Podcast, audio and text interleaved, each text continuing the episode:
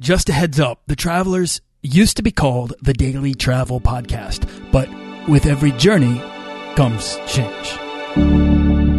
This podcast is produced by Holocene, a community of creative travelers. If you want to get serious about planning that next trip, writing that book, starting that creative project, or launching that business, we're breaking down the barriers between where you are where you want to be together at joinholocene.com. That's join, H O L O C E N E.com.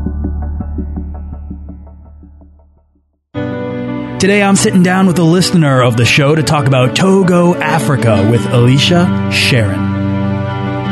Do you want to travel further and more often to visit new places and meet new people and expand the role that travel plays in your life? I'm your guide, Nathaniel Boyle, an explorer that wants to help you get out, see the world, and find meaningful, life changing experiences. Everyone wants to be adventurous and have great stories, to do the stuff of legend. This is the Daily Travel Podcast.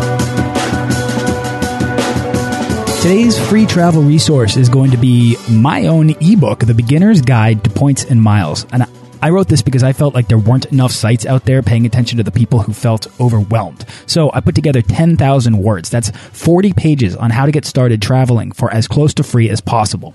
This podcast is about crushing the things that prohibit us from making travel a bigger priority in our lives, and cost is at the top. Points and miles are the best way I know to get over that hurdle and become an explorer of the world. This book is yours completely free at dailytravelpodcast.com.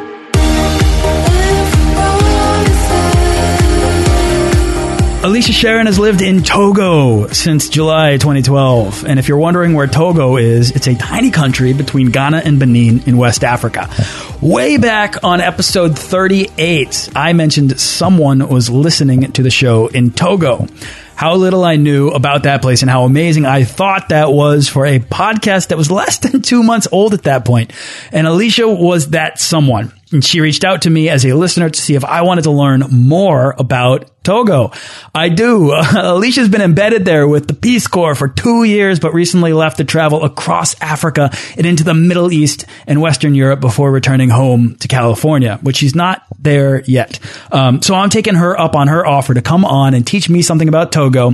Also, the Peace Corps as an opportunity for others to experience the world and her travels across these amazing continents. So, Alicia Sharon, welcome to the Daily Travel Podcast.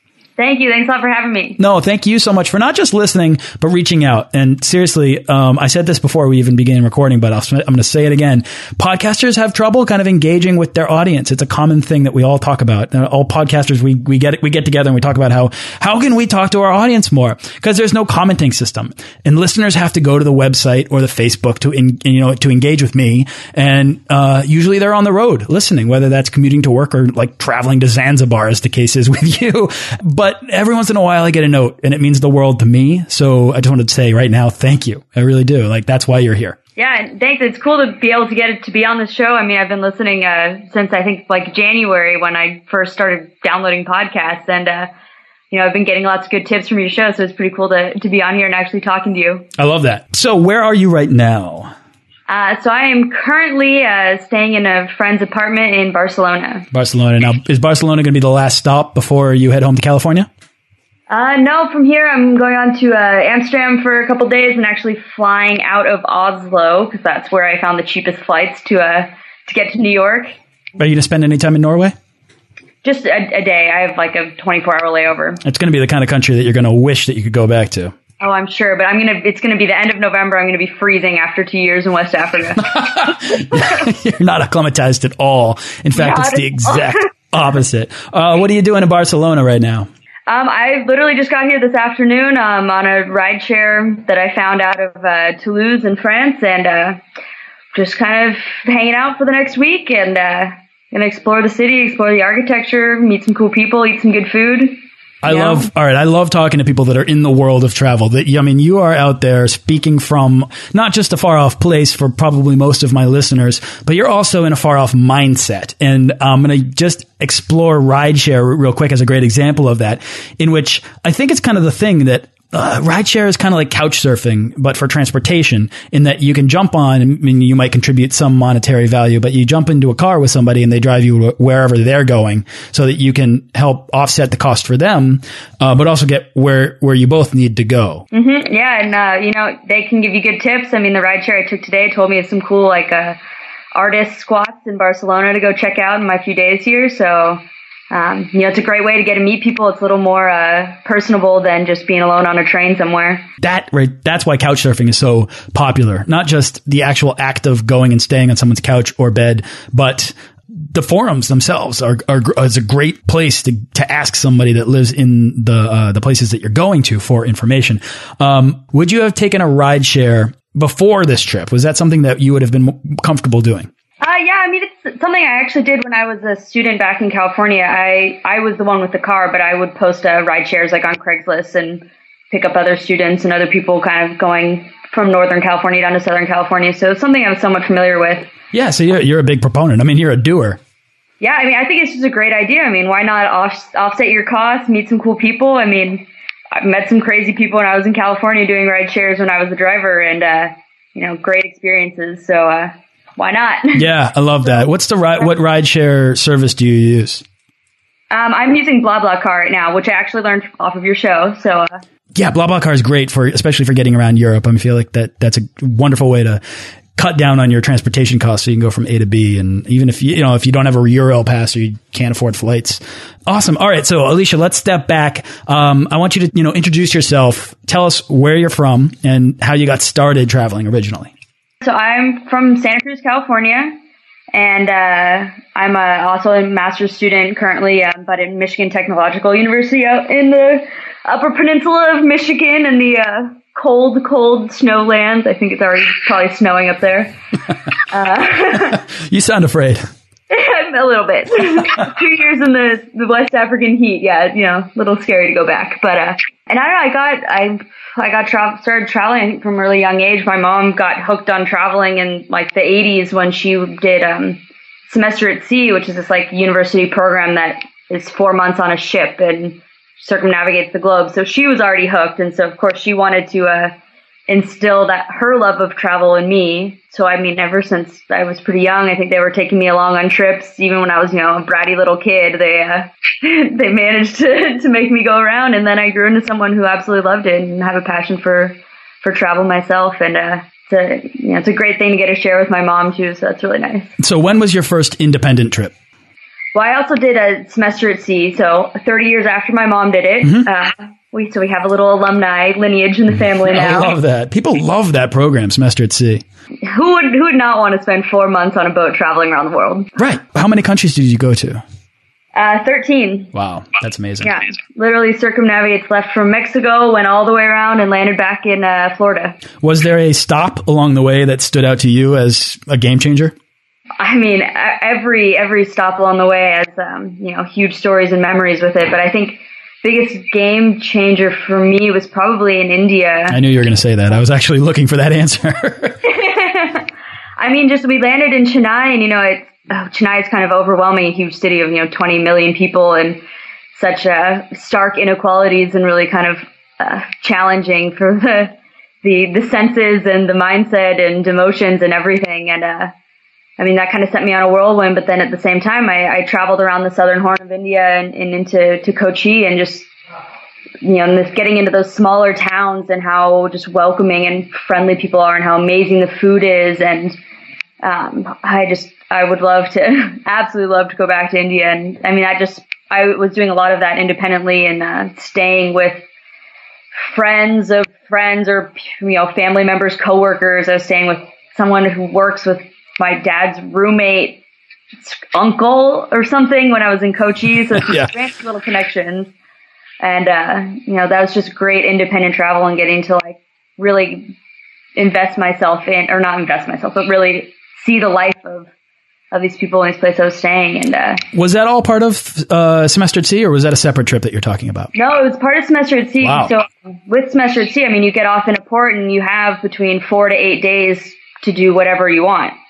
Um, then you just have to meet the ship back before it leaves. So in India, I think we had we had eight days, and so I got off in in Chennai and then traveled around to, to Kochi and pick the ship back up there. That's a lot. That's a lot of uh, that's a lot of traveling. It sounded like within eight days, but I guess everything I hear about about the stop in India is that it, that is the one that people remember.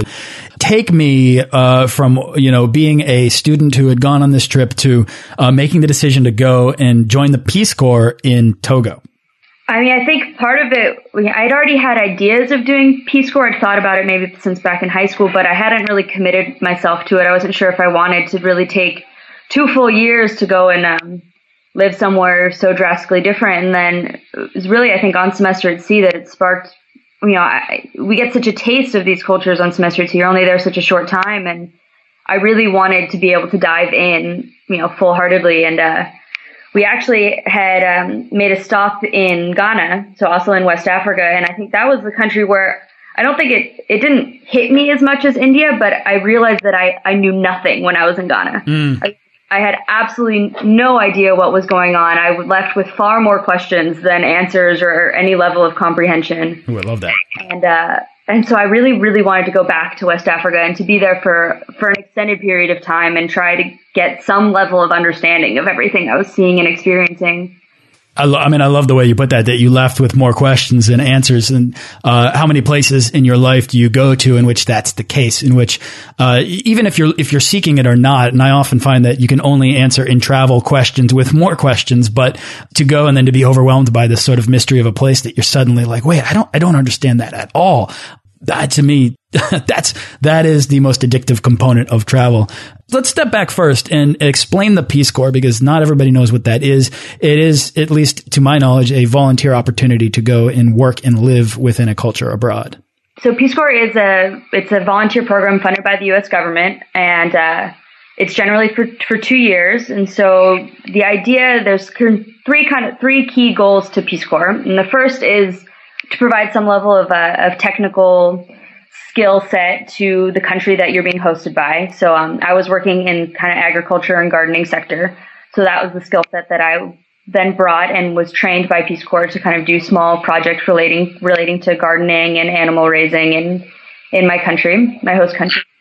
And um, but then Peace Corps also has two other goals, which is more of the cultural exchange side of things.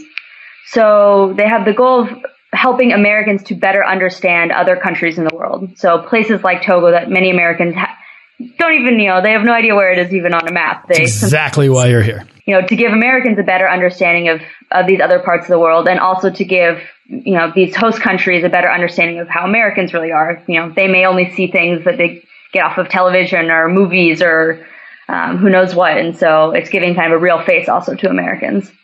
And uh, yeah, it's done for two years, and most of the time, volunteers are in pretty remote sites. Um, I was living in a village of about 2,000, 3,000 people, um, about 60 kilometers from the nearest city.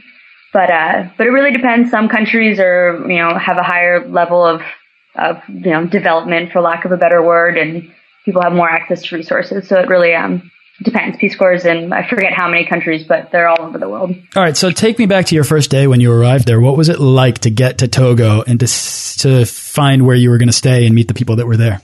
It's interesting. So the process with Peace Corps, the first two months you're actually in training in the host country.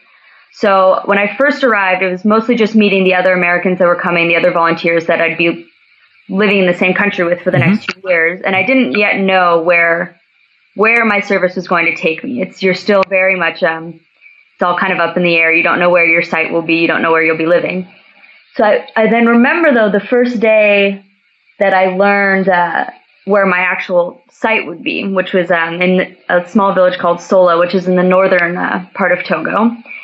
And I remember just such excitement to know like I have a place, I know where I'm going, and um, I have no idea what I'm going to discover, but uh, then the first day I got to I got to my village, and I just it was it was we were supposed to arrive at night and it was gonna be ten o'clock at night and it was pouring rain and we were in this you know really pretty beat up car and I got kind of freaked out. I didn't really want to arrive in a village without any electricity in the middle of the night in the rain.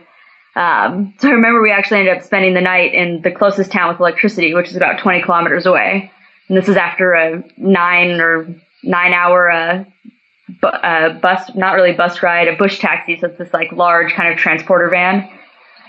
And uh, so nine hours in that in the rain, and spent the night in the this closest town. And then the next morning, when I finally did drive out to the village, I remember just green fields everywhere and going over these rivers and being like, this is so beautiful and different. And I like I don't know what I'm getting into. And then I this village, and there's this huge ceremony being held for me. So I um I was brought actually to the chief of the village's house and he was there with all of the other uh, traditional chiefs and local authorities or people, members of the village development committee and water committees and all these different people that at the time like I don't I can't remember any of your names I don't know any who people are and then you know by the end of the two years some of them have become like family to me and um, so that just that was amazing to have that big you know, welcoming ceremony of we're so excited for you to be here. I love that. I mean, so so the I mean, Togo is is calling you because it's in West Africa, and West Africa is the place that you said left you with more questions, and it seemed like the questions that you answered on that first day, or or at least that you began to explore, were what am I getting into, and who are these people, right? And this world, then I would assume over the course of time, or at least the next couple months, probably began to kind of reveal itself to you. Um, what were then the next question? What are the what are the big questions about Togo that you kind of began to explore about the culture, about the landscape, about the work and the people? Over over the first few months, it, it mostly was just getting to know people and what kind of roles everyone's in. You know, who are who are the local officials, who are the teachers, who are the health workers, who are the best well-known farmers, who um, fill these different roles. And then over the the next several months, I think the questions, you know, those kind of things you fig- you can figure out fairly quickly. Um, I mean, within a couple months, you know, kind of figure out who everyone is. But then I got started getting much more in the questions of all of the. They have a lot of traditional ceremonies that they're incredibly proud of. That you know are their the basis for their. Okay, so the ethnic group I was living with, they're called the Biyobe, and they have a number of of ceremonies that happen every two to five years that from the first weeks I was there, everyone was telling me about these ceremonies and this, all this stuff that's going to happen and how the young men are going to be initiated into being an adult. And um, so then I became really curious and, all, and more of the questions of how those ceremonies came to be, how the history of these people came, like how they came to live where they are. And, um, and it's interesting because I ended up discovering that a lot of these ceremonies that we see, and they come off as very traditional and very, um, I don't know, this classic image of a traditional African village somewhere, and they all actually are very tied to the slave trade, um, which is something that was really, yeah, a really interesting uh, concept for me. So the ethnic group I was living with actually, they were the ones being captured to be sold as slaves to the Europeans. And so they fled a different region that they had been living in and then installed themselves in a, uh, this mountainous area in northern Togo. And they started having a number of ceremonies that they did in order to make the young men like strong and resilient and able to fight off these other ethnic groups that were seeking to capture slaves. And so it's just, it's fascinating to me to know how tied, you know, U.S. and European history is to West African history, and that you know ceremonies like that, think like practices that seem so far removed from you know quote unquote modern world really are tied together to our own history, and that we're all kind of in a part, you know, entangled in the same web and. Um, yeah, was that something that they spoke openly about the slave trade and, and their, you know, sort of uh, maybe horrific past about that? Um, they, they speak openly about it, but not in a not in like a hateful way of you know you you Europeans and Americans what you did to us. Um, it's much more just this is part of history. This is a part of like how our cultural practices came to came to be. Um, and so there's like remnants from from that time, um, like this old wall that's you know maybe 300 years old that they had actually barricaded the entire village on top of this mountain in order to stop the uh, the slave trading tribes from capturing them. And so everyone, they, they know about it and they speak about it, but it's more of a like respect for their ancestors that fought for their, their culture, their protection, not in a, you know, a, a demonizing of the uh, the foreigners kind of mindset. Yeah. All right. So what? So uh, let me just get this straight though. The Obe were the people that you were with, and were they uh, sort of like a small subset of the people of Togo? Yeah. So um, the Togo actually has, I think, 42 different ethnic groups. So I mean, it's a country the size of West Virginia, and I think 42 different different languages, different ethnic groups. Um, some of which are closely related. So the languages are very similar, the cultures are very similar. Um, and the, the Biyobe that I was living with are actually a kind of an anomaly in Togo. Um, so they're pretty heavily, not heavily studied, but they're being more researched because they're a language group of maybe 6,000 people. So it's, you know, fairly rare dying language. And they have this very dynamic history because they don't, we don't really know exactly where it was that they left from during the time of the slave wars and they kind of just implanted themselves in this this region in Togo, and so they're kind of um, you know very have very different practices, a very different language from any of the groups. Even you go five kilometers away, and you find completely different languages, completely different practices. Um, what sort of work were you doing with them? Um, so my official work with Peace Corps was to do mostly um, improved gardens and teaching people how to do composting, um, things along those levels, and then also how to improve chicken raising projects. Um, but with Peace Corps, the work is really pretty informal. So you kind of you do whatever projects the people in your village are are motivated to do or engaged in and interested in doing, and then you're more there as a, as a catalyst for them.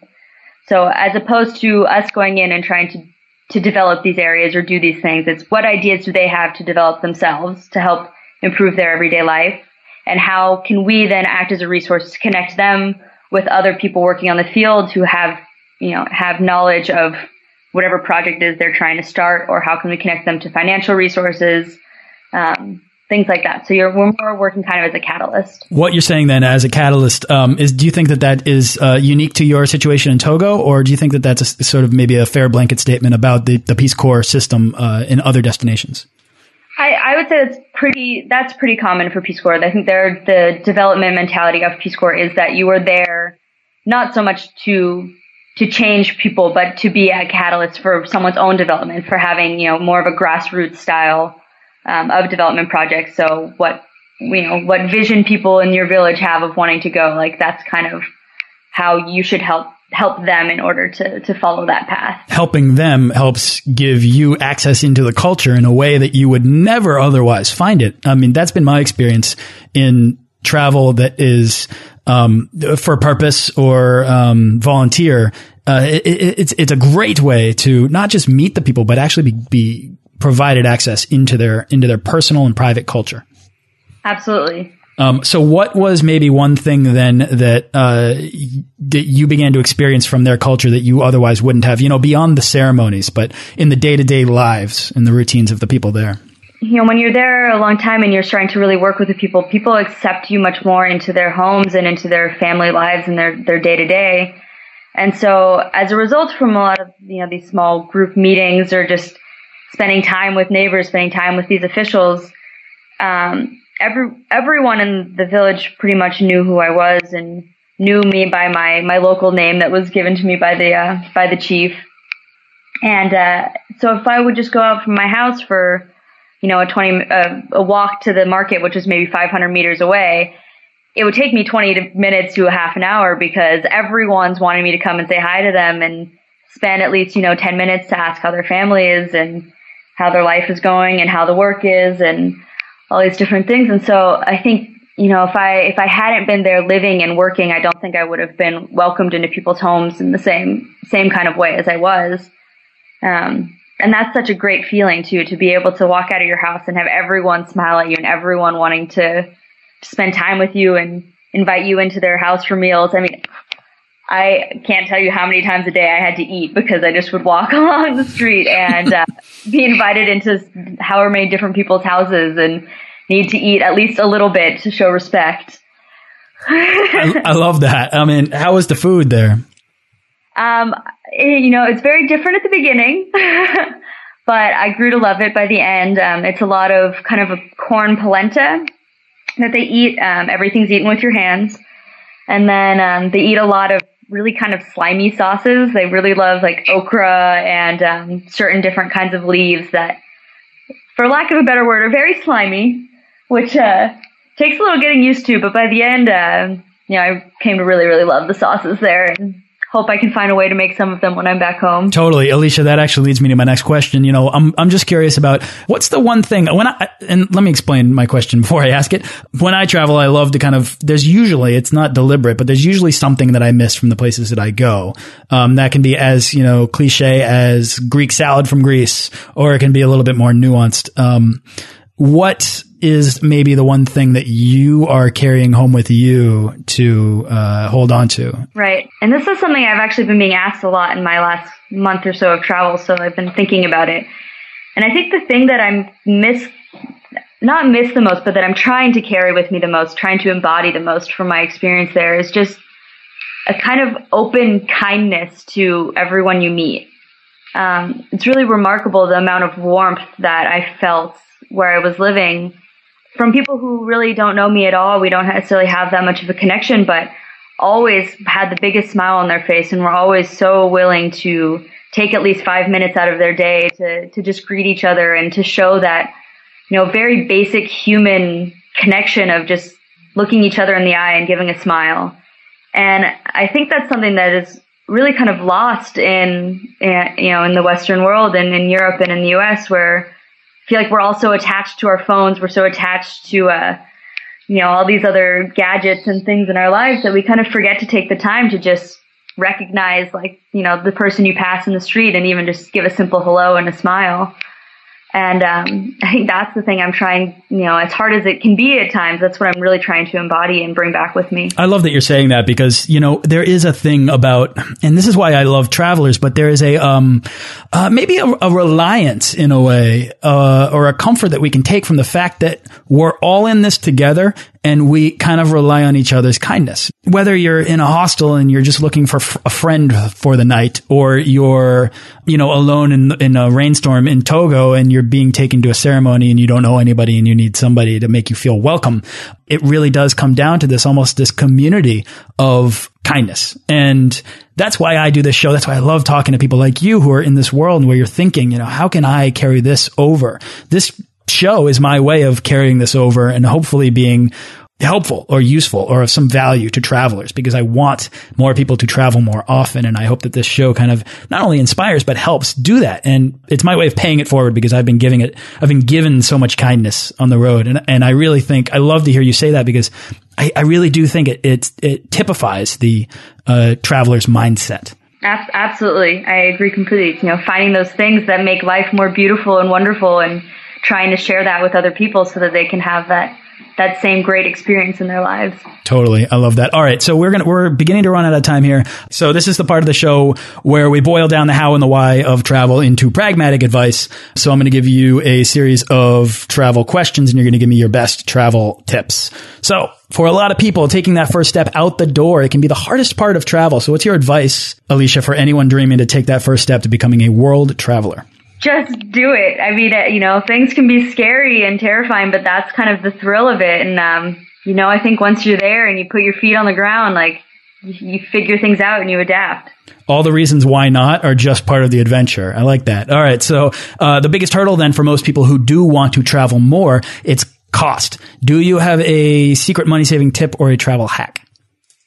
Um, I think my biggest thing, I mostly use Skyscanner to try and find flights and, uh, I mean, I just search for my flights around two to three months in advance and, you know, try and look right at the right time, uh, and just kind of keep updating my flights and see if I can find the cheapest thing. And then, uh, in terms of lodging and things, I mean, I've mostly been doing couch surfing or, you know, and here's somewhere where just having a big friendly smile can take you pretty far because I've been welcomed into a lot of people's homes and had free lodging just, uh, you know, just by the kindness Love that. All right. So flights really are the biggest expense for you. And uh, do you have a favorite internet travel tool or a resource? Uh, I mostly use just Skyscanner and then let the rest of my travel just take me while I wander streets. Ooh, I love that. All right. Do you have a favorite book, like a travel book or a book that's uh, inspired your travel style? Um, I don't know. I'm currently reading uh, The Origin about Darwin's travels around the world. So that's my current travel book. That's cool. That's going to compel you to go to the Galapagos for sure. I hope so. All right. Do you have a favorite piece of travel gear that you're taking everywhere you go right now? I mean, I have my, my water purifying pen, which was incredibly indispensable when I was in Tanzania and uh, West Africa. I'm not using it so much now in Europe, but uh, other than that, I think just my my iPod Touch, which is my computer, my connection to uh, whatever I need, and uh, my camera as well. That's my my number one travel tool I've got with me. Alicia, big question: What's the worst travel mishap that you've had? Probably uh, when I I was in Togo and I made the bad choice to take the direct taxi from uh, the capital in Lomé all the way down to my village, which is about nine to ten hour uh, taxi ride. Little did I know, uh, you know, the driver told me we were leaving at 10 a.m. Of course, we then left at 3 p.m. And uh, it was an all-night trip. So then uh, we get to this one mountain going into going into the northern regions, and uh, we all have to get out. My flip flop broke. We have to hike up the mountain uh, at midnight Oh, God. on the dirty road, and I'm barefoot, and it just was. And then we arrive at like 6 a.m. Uh, so that was probably the worst uh, travel mishap. But the good thing was there were other people from my village in the uh, in the car, so we got to talk and all laugh it off together. That's it. Now you have the shared mutual connection of this amazing thing that you did. All right, Alicia, what's the weirdest thing you've ever eaten? Weirdest thing I've ever eaten was probably um, so my my host brother that I was uh, living with when I was in my village in Togo in Sola uh, caught a giant rat. And when I mean giant rat, I'm talking like the body itself is about a foot long, and then you add the tail. And uh, so he caught that, and then uh, we like, beat it with a stick and cooked it up, and uh, we ate it. And you know, it really wasn't that bad. Love it. All right. Uh, Alicia, so cool. Take me real quick before we wrap up from Togo to uh, your next step, then bring us to Barcelona. Where have you been? Uh, yeah, so I, I, my, my mom actually came, met me in Togo, and we traveled together for a week, which was amazing. Um, and then, uh, her and I went to Tanzania for two weeks, and that's actually where I heard your podcast when I was sitting in a taxi in Tanzania. Love it. and, um, then I spent an extra week after my mom went back home and, uh, traveled around on my own, spent some time on the beach, went to Dar es Salaam, and, uh, spent uh, 20 hours in Qatar. So that was my little stint in the Middle East, which Qatar is a beautiful city and I would absolutely love to go back for a longer time. And, uh, or sorry, Doha, not Qatar, it's the country. Doha. Um, and then I was in uh, Berlin for about a week, getting some great music and street art and everything all in and good beer. Love good beer. So There we go. All right. We've got plenty in common, Alicia. This is awesome. Um, before before I do wrap up with you, is there anything else that you want to share about travel or anything that you want to say uh, about about anything before we finish up? Uh, no, I think just go out and travel and let your travels show you how the world really is and then bring that back and share that with other people. I think that's what it's all about. You know, it brings our world all together. Mm, yeah, it's really important. Um, Alicia, very cool. Uh, where can people go to find out more about you? Are you online anywhere? I know I mostly keep all my information on travels just in a journal. I will, I'm planning at some point to, uh, put my collection of stories that I have up online, but, uh, I've not gotten there yet. So they can go to the show notes page for this website to to check out more about you. And uh, Alicia, thank you so much for coming on the show. I, it's, uh, and for reaching out and you know uh, connecting me and teaching me a little bit something about Togo, which is a place that I now know something about. Uh, the Obe people, it's so cool. I, I had no idea. I it's now suddenly on my list, and hopefully people listening are curious about that part of the world as well. Yeah, well, thank you. Uh, thank you for having me on. This has been great. Uh, getting to share a little bit of uh, my new home in Togo. Thanks for listening to this episode of the Daily Travel Podcast. For show notes and links to everything in this episode and more, head on over to dailytravelpodcast.com. Join our Facebook page of explorers and subscribe to our newsletter for the best deals and resources to help make your next trip life changing.